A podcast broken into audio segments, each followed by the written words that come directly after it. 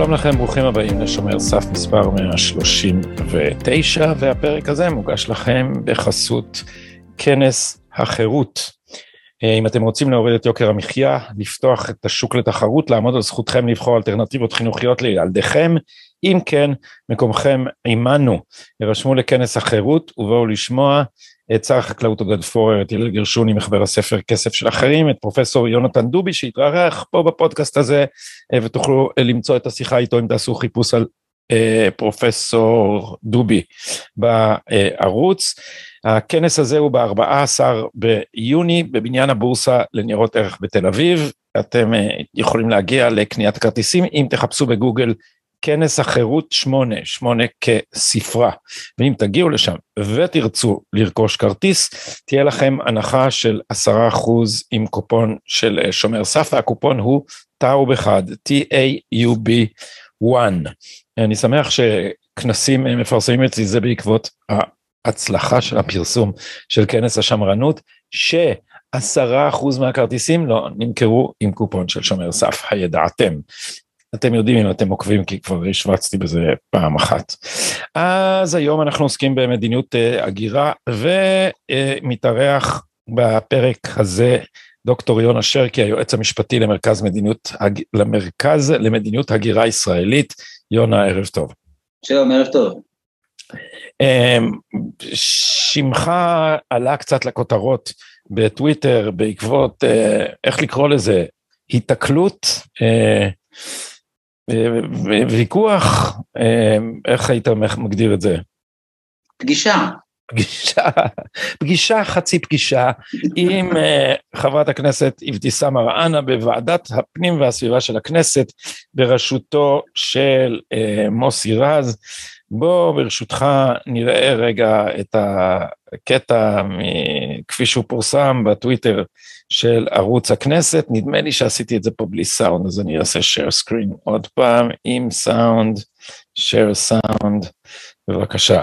בעצם זה, הצגנו את זה כעת, אז אנחנו למעשה פוסלים את סוגיות המדיניות, פוסלים את הסוגיות המקצועיות והופכים את הכל לקרקס, כפי שאת יודעת לעשות מצוין, אה, חברת הכנסת זועבי. אה, אדוני, פעם אה, הבאה אני מבקש... תתנצל מיד, קוראים לי אבתיסאם מראענה חברת הכנסת.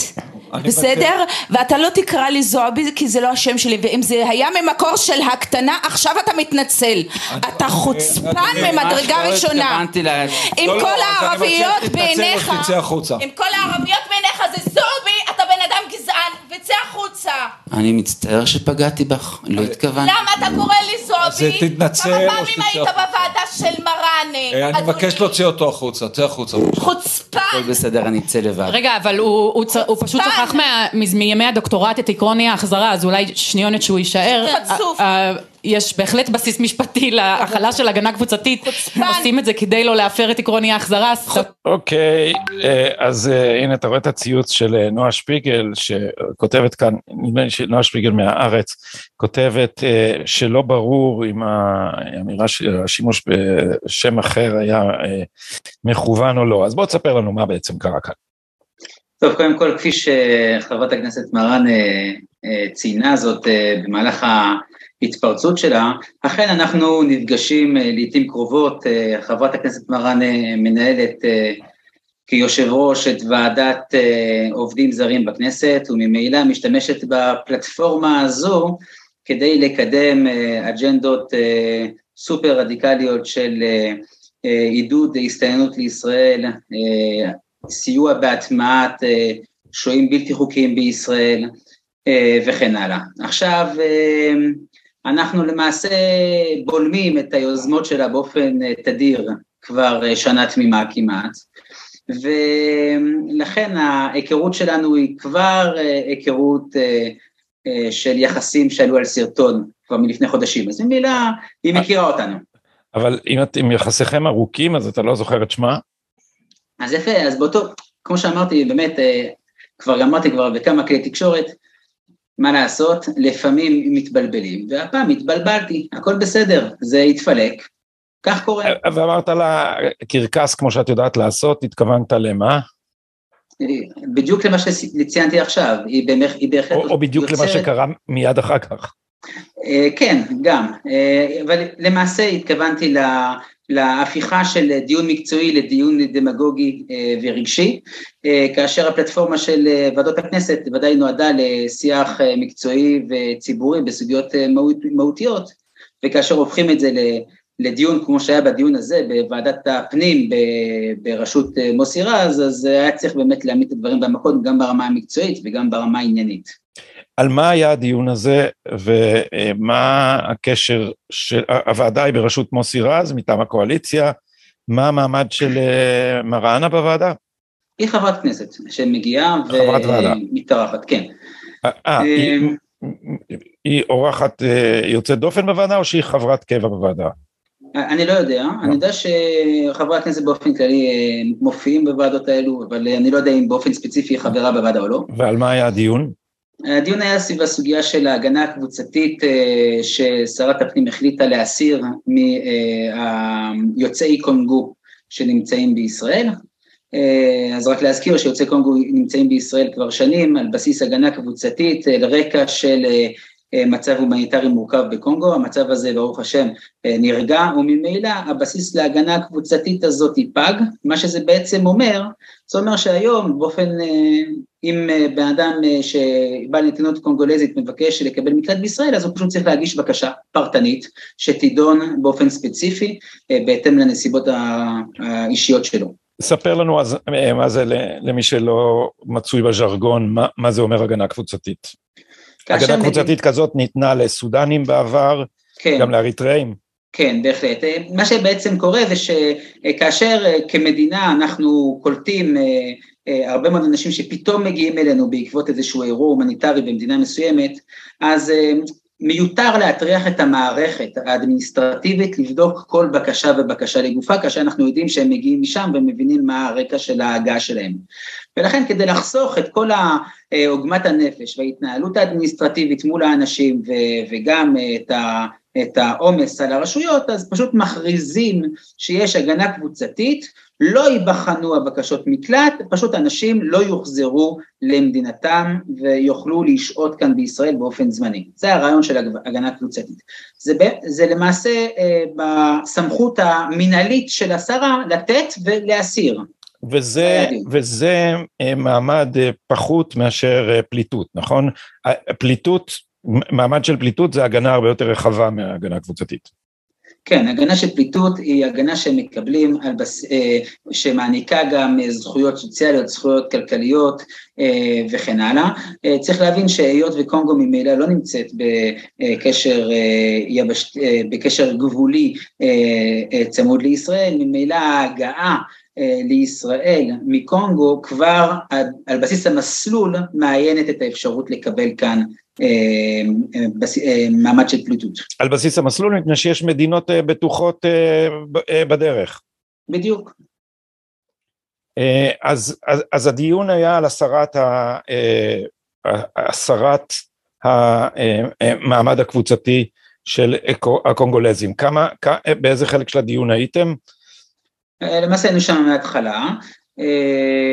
ארגוני, קודם כל הייתה שם ממש התנפלות מצד אה, גברת מראנה אה, וחבר הכנסת מוסי רז על אה, הנציגים של המשרדים הממשלתיים הרלוונטיים, ואומר משרד החוץ, משרד הפנים, משרד המשפטים, ממש התנפלות על הגופים האלו, מדוע אתם מאפשרים את ההסרה של ההגנה הקבוצתית, הם ניסו להסביר שבהחלט שזה מבחינת הסמכות של השרה ושהם גוף מבצע, אחר כך נכנסו לתמונה הארגונים ההומניטריים, so called, והתחילו לעשות שם מניפסט, וממש לפני שהסתיים הדיון בוועדה, אז אה, לבסוף אה, ניתנה לי זכות הדיבור אה, ו...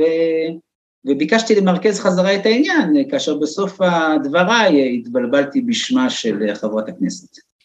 אז עכשיו, יונה, ספר לנו קצת על המרכז למדיניות הגירה ישראלית, מפני שאתה יודע, זה נושא ש, שלי הזדמן לעסוק בו לא מעט, הוא מאוד טעון, בעיקר סביב המסתננים אני עסקתי בו, מפני שכפי שאני אומר הרבה זמן, מדיניות הגירה זה אה, זה, זה המוקד של המאבק בין הניידים לנייחים, מה שאני קורא, בין האליטות הגלובליסטיות לבין אה, הרוב שמורכב מאזרחי מדינות הלאום הדמוקרטיות ושרוצה לשמור על אופיין הלאומי של המדינות ועל כוחן הפוליטי, זאת אומרת על הכוח הפוליטי של האזרחים בתוך המדינות האלה. לעומת זאת הניידים השואפים לטשטש את הגבולות בשירות אה, חזון של עולם גלובלי, אה, רוצים אה, לפרוץ פרצות במדיניות ההגירה, לטשטש את הגבולות בין מדינות ולהחליש את מדינת הלאום, להכפיף אותה לגופים בינלאומיים ולאמנות בינלאומיות כדי בעצם להתגבר על כוחו של הרוב בתוך מדינות הלאום הדמוקרטיות. אז במסגרת המשחק הזה, מעמד הניידים פועל באופן אגרסיבי במה שנקרא החברה האזרחית באמצעות NGOs, עמותות, כל מיני, אה, איך זה נקרא, זה לא נקרא עמותה, לזכויות אזרח, נו, אני בורח לי השם. ארגונים, ארגונים. ארגונים, או נכון. ארגוני זכויות אדם, תחת בעיקר הכותרת זכויות אדם, וכמו שאמרה לי פעם עיתונאית אה, שוודית שמכירה את הזירה הישראלית היטב, ישראלי אמרה לי, זה הדיסנילנד של ה-NGOs.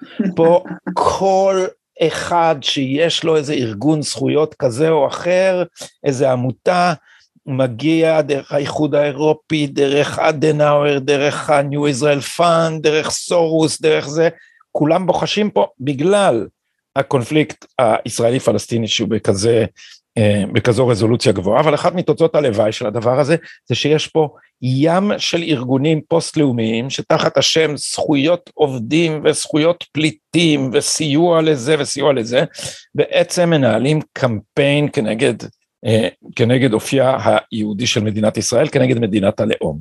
ויש ארגון אחד קטן, שנקרא המרכז למדיניות הגירה ישראלית, שהקים אותו ידידי ואורחי פה בפודקאסט אה, אה, פעם,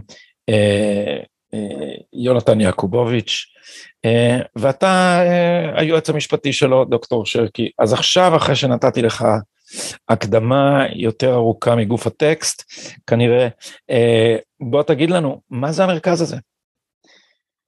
תראה, המרכז למדינות הגירה הישראלית הוקם אה, כריאקציה להסתננות מסיבית לישראל בראשית שנות האלפיים, למעשה המרכז הוקם אה, ב-2012, לפני עשור, כדי לבלום את ההגירה הלא חוקית לישראל ולצמצם ככל הניתן את ההגירה הלא יהודית לישראל, כל זאת מתוך אה, הבנה שהגירה אה, משפיעה באופן מסיבי על אה, הנתונים הדמוגרפיים שמרכיבים את המדינה, וממילא במקרה שלנו הדמוגרפיה הישראלית בעצם סובלת מה, או מושפעת מההגירה באופן מאוד מאוד דרסטי, כאשר ב, אם נאמר אה, הרוב, הישראל, הרוב היהודי בישראל אה, בעשורים האחרונים איבד, אה, בשלושה ארבעה עשורים האחרונים איבד קרוב לעשר אחוז מהרוב היהודי בישראל, וזה לא בגלל שאלות של ילודה,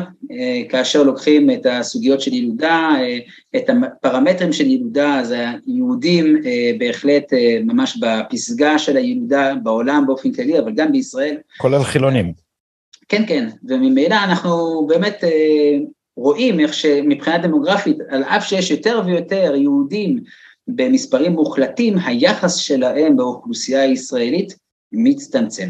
עכשיו, כאשר אנחנו רוב דמוגרפי יהודי בישראל, אז כמובן אפשר להצדיק את הרעיון של אה, מדינת ישראל מדינה יהודית ודמוקרטית, אבל כאשר אה, הרוב הזה אה, מאבד מכוחו וממילא עשוי להפוך למיעוט, אז הלגיטימיות של הטענה לקבוע את, זכות, את זהותה של המדינה אה, מאוד נחלשת, ואז אנחנו נמצאים פה בבעיה, מכיוון שאנחנו בעקבות ההגירה, ההגירה הלא יהודית או הלא חוקית לישראל, אנחנו בעצם מאפשרים פגיעה דמוגרפית וזהותית בסופו של יום של, במדינה.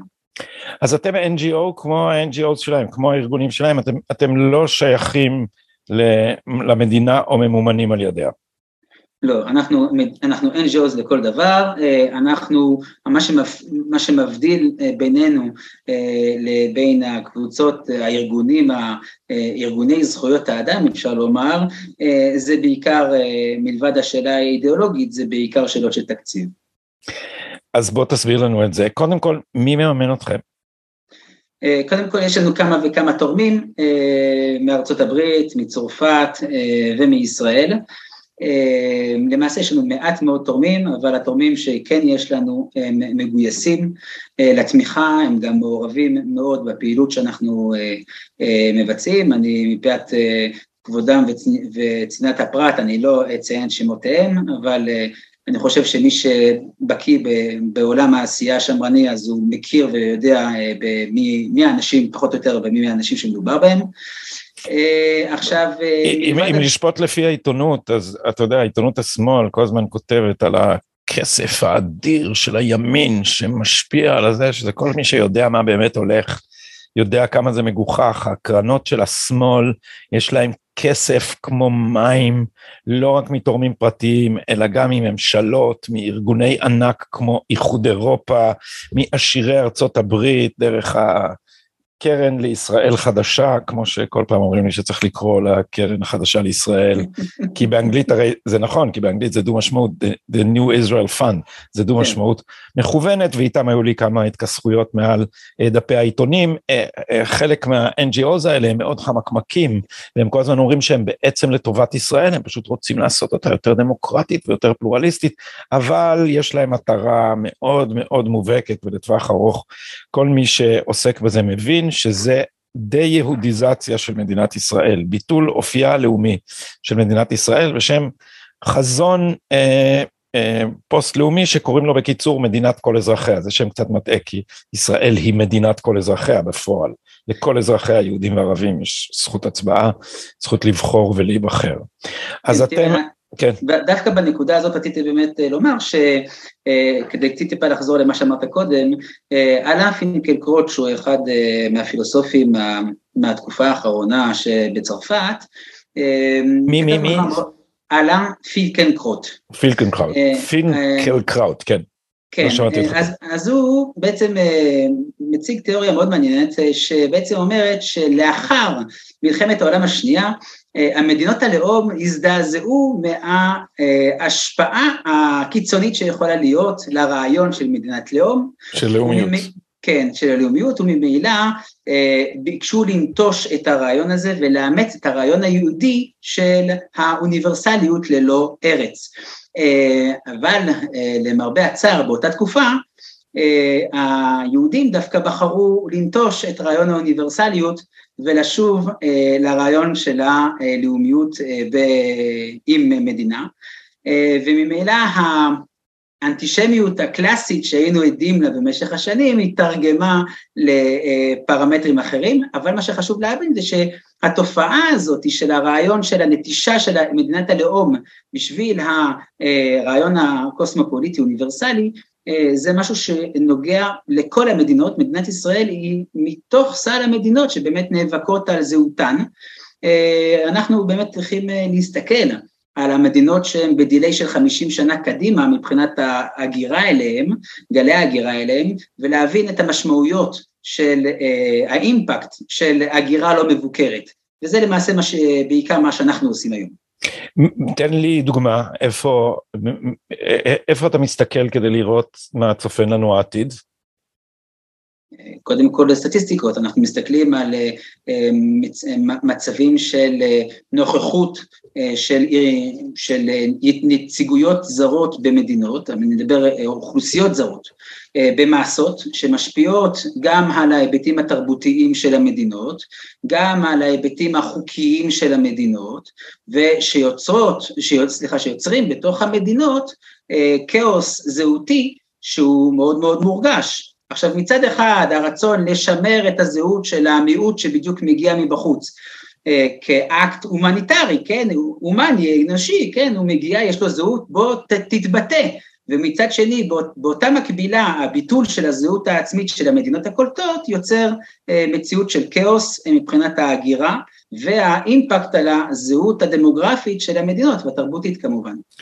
אבל כשאתה מסתכל על מה יכול לקרות לא רק בתיאוריה אלא גם בפרקטיקה, אתה, צרפת זה אחת הדוגמאות?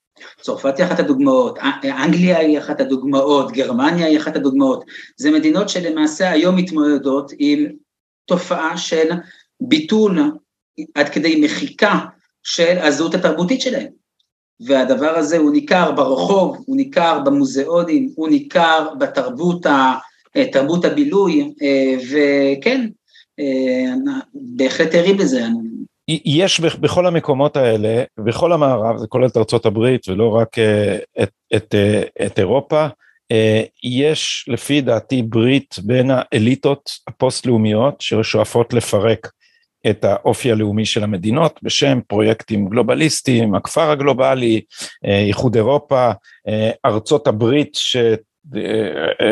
תחת החזון הזה תהפוך למשהו אחר לגמרי, אז יש ברית בין האליטות שמקדמות תפיסה רב תרבותית לבין כיסים של חד תרבותיות קיצונית שהם בכלל לא פלורליסטים של אה, מהגרים ומיעוטים שאותם אה, האליטות האלה מעודדות לא אה, להיטמע בתוך אה, הרוב ולאמץ את תרבותו, אלא להתבדל מתוך הרוב ולאמץ את תרבותו. ב, ב, ב, בתוך האליטה הזאת, כפי ש... תיאר בצורה מבריקה מייק גונזלס בארצות הברית בספר שנקרא The Plot Against America נדמה לי, הוא אומר לאליטות האלה הייתה תוכנית מודעת לפרק את הלאומיות ולכן הם בכוונה מעודדות קבוצות שהן מנוכרות אה, לקבוצת הרוב להתבודד בתוך זהותן. אנחנו רואים את הדבר הזה, אה, את הפרויקט הזה של לקרוע את חברת הרוב ולעודד את הזהויות הקבוצתיות, אנחנו רואים גם פה, לא פעם יש לי ויכוחים עם הפעיל האתיופי אבי יאלו, אתה בטח אה, מכיר את האיש,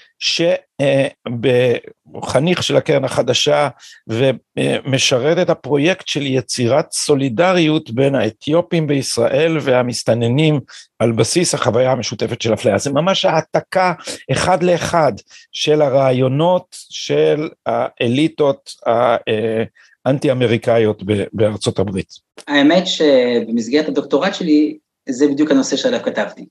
אה, על המעבר מסטטוס של מהגר לסטטוס של בן מיעוטים במשפט הקהילה האירופאית ובמשפט, ובמשפט הבינלאומי, על המעבר משיח של אסימילציה לשיח של אינטגרציה בהיבטים המשפטיים, ועל האפליקציה של זה על ידי האדמיניסטרציות של המדינות ובתי המשפט הבינלאומיים.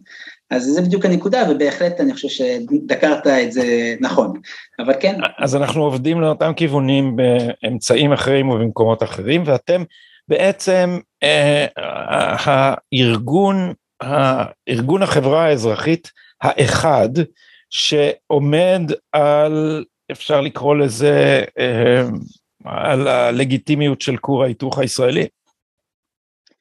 כן, אנחנו בהחלט, אה, למעשה עד ממש לאחרונה היינו ממש בודדים במערכה, אה, לאחרונה הצטרפו מספר ארגונים אה, וביקשו להצטרף לפעילות הזאת בסוגיות של הגירה ושל זהות יהודית. מי הם? ספר לנו במילה, שניתן להם קרדיט. גם פורום קהלת אה, בשנים האחרונות הצטרף לפעילות ואף פתח אה, תת מחלקה שתעסוק בסוגיות הללו, אה, אנחנו עובדים בשיתוף פעולה הדוק איתם.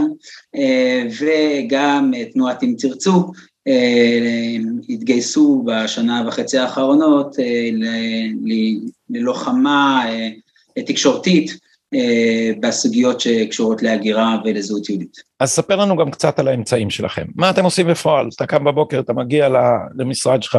אה, מי, מי עכשיו אה, עומד במקום יונתן בראש המרכז? יונתן, צריך להזכיר, נהיה יועץ של השרה איילת שקד לענייני הגירה. אני מאלה שמגינים עליו על העניין הזה בטוויטר, כי יונתן הוא לוחם על סוגיה אחת, אבל הימין כולו מנחית על ראשו אה, קללות נמרצות וזה כל כך לא צודק וכל כך אה, מכוער כי באמת יונתן זה אדם ש... עשה כל כך הרבה למען כולנו. אז זה, אני נסחף פה בהערה צדדית בגלל שאני מאוד מעריך את מה שיונתן עושה ואת המוכנות שלו לספוג את כל הרפש הזה בשביל לקדם את המטרה שהוא מאמין בה. אבל השאלה הייתה בעצם מי עומד בראש המרכז עכשיו.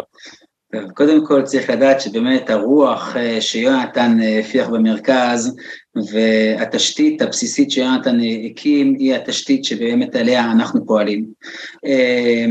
ויאמר באמת שהסוגיות הללו הם, הם אלו שמנחות את הפעילות גם של יונתן וגם של המרכז גם היום. אה, למיטב ידיעתי, ולא אה, סוגיות אה, פוליטיות, מה שנקרא צרות מפלגתיות. עכשיו, במר... היום למעשה מי שמרכז את פעילות המרכז זה אני, ואנחנו מספר עובדים של המרכז לאינטגריה הישראלית, שכל אחד אמון על תחום פעילות משלו, אני בעיקר עוסק בסוגיות של קשרי, קשרי ממשל במובן של התקשורת אה, המקצועית עם הגורמים וסוגיות משפטיות, יש לנו את אה, עקיבא לם שמנהל את, אה, את הקשרי ממשל ואת קשרי התקשורת, את כל הממשק הציבורי של המרכז. מה שקוראים. יח"צ. כן, ו... אבל, אבל לנו... בוא, בוא, let's break it down, כמו שאומרים באנגלית. כשאתה אומר שאתה מנהל את התקשורת עם כן. המוסדות של המדינה, מה זה אומר? ראינו שאתה הולך כן. לוועדות של הכנסת, זה ראינו כן. כשנותנים לך לדבר, ראינו שאתה מוצא מוועדות של הכנסת, מה, מה עוד אתם, איפה עוד אתה אה, מנהל שיח עם המדינה, דין ודברים? אנחנו למעשה פועלים בארבעה מישורים, אנחנו פועלים באופן קבוע ותמידי בארבעת המישורים הללו. המישור הראשון זה מישור של מחקר, אנחנו עוסקים בפעילות מחקרית כל הזמן, אה, זה למעשה הקו המנחה שלנו אה, לבד מן האירועים שמציפים אותנו מימין ומשמאל. אנחנו, יש לנו קו אחד שאנחנו בעצם מתווים מדיניות על בסיס מחקרי כדי לתקן בעיות, כדי להוביל למימוש של מדיניות אחראית אה, להגירה לישראל. עכשיו זה למעשה הדבר האחד שאנחנו עושים. לצד המחקר אנחנו עוסקים בפעילות של קשרי ממשל, הווה אומר תקשורת רציפה עם חברי הכנסת, עם שרים, עם גורמים שלטוניים, עם משרדים ממשלתיים, על מנת אה, ל, בוא נאמר לתקן את מה שצריך לתקן, אה, למנוע את מה שצריך למנוע.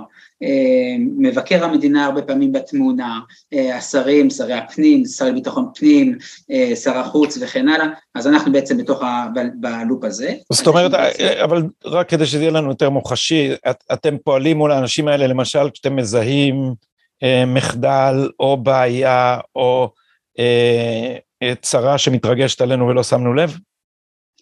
כן, א', אנחנו בהחלט עושים את הדבר הזה, לצורך העניין אם אנחנו מזהים שיש איזושהי תופעה של הסתיינות דרך, אה, נמל התעופה בן גוריון, אה, באופן מסיבי של אה, גיאורגים במשך שנים, ואף אחד לא מטפל בזה, ואנחנו מזהים איך זה קורה, מה התהליך של ההסתיינות, למה הרשויות לא עושות כלום, אז אנחנו בעצם מתחילים להפעיל את מנגנון המחקר, את ההצפה של הבעיה, פוגשים את שר הפנים, פוגשים את מבקר המדינה, פוגשים את מנכ"ל רשות התעופה וכן הלאה, ואז למעשה אנחנו בעצם מציפים את הבעיה מוציאים אותה לתקשורת כדי ליצור שיח ציבורי, וממילא מכאן הדרך מאוד קצרה לתיקון הבעיה, ואנחנו עושים את זה לבד.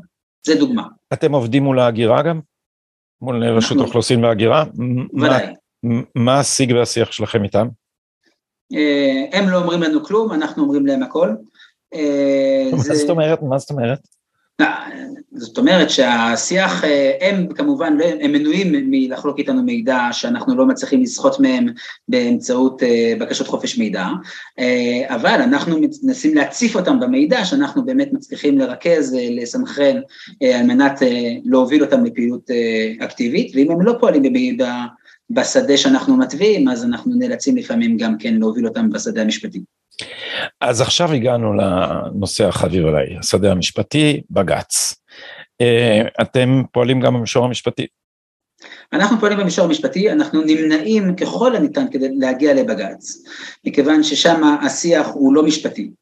אמ, זאת אמירה שצריך למסגר אותה, יונה. זה כל כן. כך נכון. בבג"ץ השיח הוא לא משפטי. יש שם אה, כמורה גבוהה בחלוקים, שממלמלת שיח פסאודו משפטי כדי לכפות את הערכים שלה בלי שום עיגון בחוק, זה מה שהולך, תשמע, אני, הפסק דין שלהם שבו הם אה, פסלו את חוק הפיקדון, זה היה ממש אה, מופת של, אה, איך לקרוא לזה, שירה מוסרנית, בלי שום עיגון בחוק, זה היה דבר, זה פסק דין של פוגלמן נדמה לי, או פוגלמן ו, ו, ו, וברק ארז, או שזה, אני לא כן, זוכר. ועמיתיו, ועמיתיו. ועמיתיו, אז זה פשוט אתה קורא את זה ואתה נפעם מזה שבעצם ממשלת העל של בג"ץ היא לא באמת רשות משפטית. כן, אז אה, לכן אנחנו מנסים ככל הניתן לפעול דווקא בערכאות הנמוכות יותר, שם השיח הוא יותר משפטי, הוא יותר ענייני, וגם הרשויות הרבה יותר נבהלות ממנו, למעשה. אה, יש איזשהו מנגנון של התראה בין הרשות לבית המשפט, מתי יש לה בעיה והיא מבקשת מבית המשפט אה, להימנע מלהתערב וכן הלאה וכן הלאה, אבל זה לא, זה לא הנושא של הדיון שלנו עכשיו, אבל בוא נאמר שבבית המשפט, בערכאות הנמוכות יותר, למדינה ולארגונים הארגונים ההומניטריים יש הרבה הרבה פחות אה, כוח, ושם השיח הוא הרבה יותר ענייני, משפטי, ולכן אנחנו גם הרבה יותר חזקים שם ומובילים שם רפורמות אה, לא קטנות. אז בואו ניקח סוגיה חשובה שעל הפרק, וזה אמנת איסטנבול. אמנת איסטנבול, אה, כל מי שאומר משהו נגדה, כמובן נתקל מיד בטענה של השיח בעיתוני השמאל, אה, אתה בעד אלימות אה, נגד נשים, אתה בעד להחזיר את האישה למטבח, הרי מי יכול להתנגד לדבר כל כך תמים וחשוב כמו זה שישראל תצטרף למאבק באלימות נגד נשים? אז מה הבעיה עם אמנת איסטנבול? למה זה לא טוב לחתום על אמנה שמתנגדת לאלימות נגד נשים? אתה בעד אלימות נגד נשים? תראה, אני ודאי לא uh, בעד אלימות נגד נשים, אני בהחלט uh, מצטרף ל... אני בשוק, יונה, אני בשוק. כי איך שהסתכלתי עליך, אמרתי, זה בן אדם שהיה רוצה עכשיו פשוט פלוגות להסתער על נשים, כן, אתה יודע, זה, כן. זה פשוט, למה, למה זה מצליח העניין הזה עם הפעמים? כי אין אף אחד שהוא בעד אלימות נגד נשים. אפילו בן אדם שמרביץ ל, אה, לאשתו, הוא לא באמת בעד אלימות נגד נשים, אני לא יודע מה יש לו, אבל זה לא שיש לו אידיאולוגיה והוא מתקשר לעוד חברים שלו שיכו נשים, נכון? אין, כאילו אין אנשים כאלה בכלל. כן, אז תראה, בפשטות אה, יש ניסיון דרך אמנת איסטנבול אה, להשחיל למדינות אה, קצת מן ה... או הרבה מן האידיאולוגיה שציינת קודם, האידיאולוגיה הפוסט-מדינית, פוסט מדינת לאום, קצת פרוגרסיבית אם אפשר לומר, כדי להוביל את המדינות לנטישה של המנגנון החינוכי שלהם, המנגנון התרבותי שלהם, המנגנון הביקורת ההגירה והגבולות שלהם, ולמעשה משתמשים בשיח המאוד תמים, כמו שאמרת, של הלחימה באלימות נגד נשים, כדי להכשיר את הפריצה של כל הגבולות הללו. באמצעות, בעניין הזה קהלת עשו עבודה נהדרת, אה, עורך דין דוד פטר אה, הוציא נייר שמראה איך מדינות שחותמות על אמנת איסטנבול אחר כך מוצאות את עצמן עם אה, ועדות האכיפה של הבינלאומיות של האמנה הזאת שמתערבות בחקיקה שנותנות מעמד לארגונים פרוגרסיביים בתור uh, whistleblowers כנגד המדינות שלהן, שאחר כך מפעילות לחץ בינלאומי על המדינות שלהן, זה חלק מרשת פרוגרסיבית שמעבירה את הסמכות ממדינות הלאום הריבוניות לגופים בינלאומיים. אבל יש פה סעיפים ספציפיים שעוסקים בהגירה, תחומכם, מה יש באמנה ש, שמסכן את חוקי ההגירה שלנו? תראה, מה שמסכן את אה, חוקי ההגירה שלנו, אה, למעשה זה, זה מרוכז בשלושה סעיפים, אה, סעיף 59, 60 ו-61 באמנה, בפרק 7 של האמנה, הם למעשה סעיפים שפורצים את הכללים שאצלנו מקובלים בדיני ההגירה, לצורך העניין, אם נדבר על מצב של מה שנקרא נוהל המדורג, כאשר גבר ישראלי דוגמה, או, או אישה ישראלית מבקשים אה, להתחתן עם מישהו שהוא אינו ישראלי, אז יש הליך שבעצם הרשויות, בוח, בוח, הרשויות בוחנות את, ה, אה, את, ה, את הרצינות ואמיתות הקשר וכן הלאה. עכשיו, אה, אם חס וחלילה באיזשהו מצב בתוך הקשר, הקשר מתפוצץ בגלל אלימות וכדומה, חלילה. אז הנוהל הזה מיד מופסק. עכשיו, מה קורה נגיד לאישה או לגבר כשהנוהל מופסק, אז אוטומטית הם חזרה, נוסעים חזרה הביתה, כי כבר אין הצדקה למעשה לה, אה, להמשך קיום הנוהל. אבל לפי להמשך תה, תהליך ההתאזרחות. בהחלט. כן, אני, אני רק אעיר פה בתור גילוי נאות שאני נמצא בעיצומו של הליך כזה עם, אה, עם אשתי וכל שנה אנחנו צריכים ללכת להגירה ושם אנחנו צריכים להוכיח את אמיתות הקשר ו, ו, ולהראות אותה בכל מיני אמצעים, האמת די חודרניים זה לא כזה נעים, אבל, אבל אה, האמנה אומרת כאילו אז לגבר הישראלי, או זה יכול להיות אישה ישראלית עם אה, זה, אבל פשוט האמנה לא מתעניינת כשזה הפוך. זה נורא, נכון. האמנה מדברת כל הזמן על אלימות מגדרית, אבל אלימות מגדרית יש אצלה רק בכיוון אחד. אז האזרח הישראלי בעצם יהיה לו יתרון, כי אם הוא מתגרש מאשתו היא לא תקבל אזרחות. בעצם מה שהם דורשים כדי לתקן את מצב התלות הזה, זה שכל מי שמתחתן נט או מתחתן עם אזרח ישראלי, יקבל מיד את כל ה... את, את, את, את, את האזרחות. לא, זה לא מדויק, לא, זה לא מדויק, מה אז תתקן שבעצם. אומר, מה שזה בעצם אומר שם זה שאם הקשר מתפרק בגלל אלימות, אז האישה צריכה לקבל סטטוס עצמאי, בלי קשר ובלי תלות בעצם במנגנון של ההתאזרחות. וזה בעצם, לדוגמה, שינוי של מדיניות ההגירה לישראל.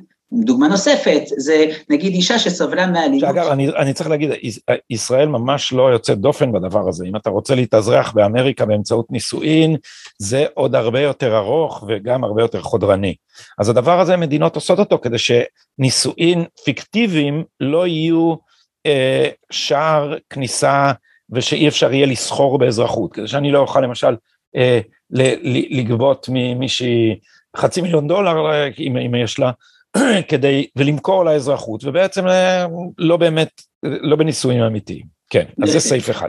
אז זה נגיד דוגמה אחת, זה סעיף 59, סעיף 60 זה מדבר על אה, אישה שנגיד מקבלת אה, מכות מבן זוגה, סובלת מאלימות כזו או אחרת, לא רק מכות, כן, מבן זוגה בבלגיה לדוגמה.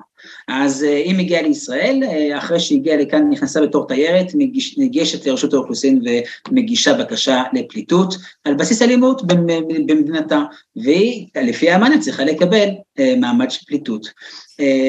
זה דוגמה שנייה, דוגמה שלישית זה באמת אישה שסבלה מאותה אלימות, אז היא בעצם בסעיף, לפי סעיף 61, היא, זה- היא בעצם יש לה הגנה של מה שנקרא non-refoulement, איסור ההחזרה למדינה שבה היא, היא, היא מס- מס- מסתכנת באלימות, וממילא הסטטוס הזה מתחדש באופן שיטתי לפי האמנה. אז אנחנו בעצם מבינים שיש פה פריצה של המנגנון של ההגירה לישראל. מה זה אומר על, על. על, אה, על מה שנקרא מילת נשים, שזה שם מכובס ל-female female genital mutilation.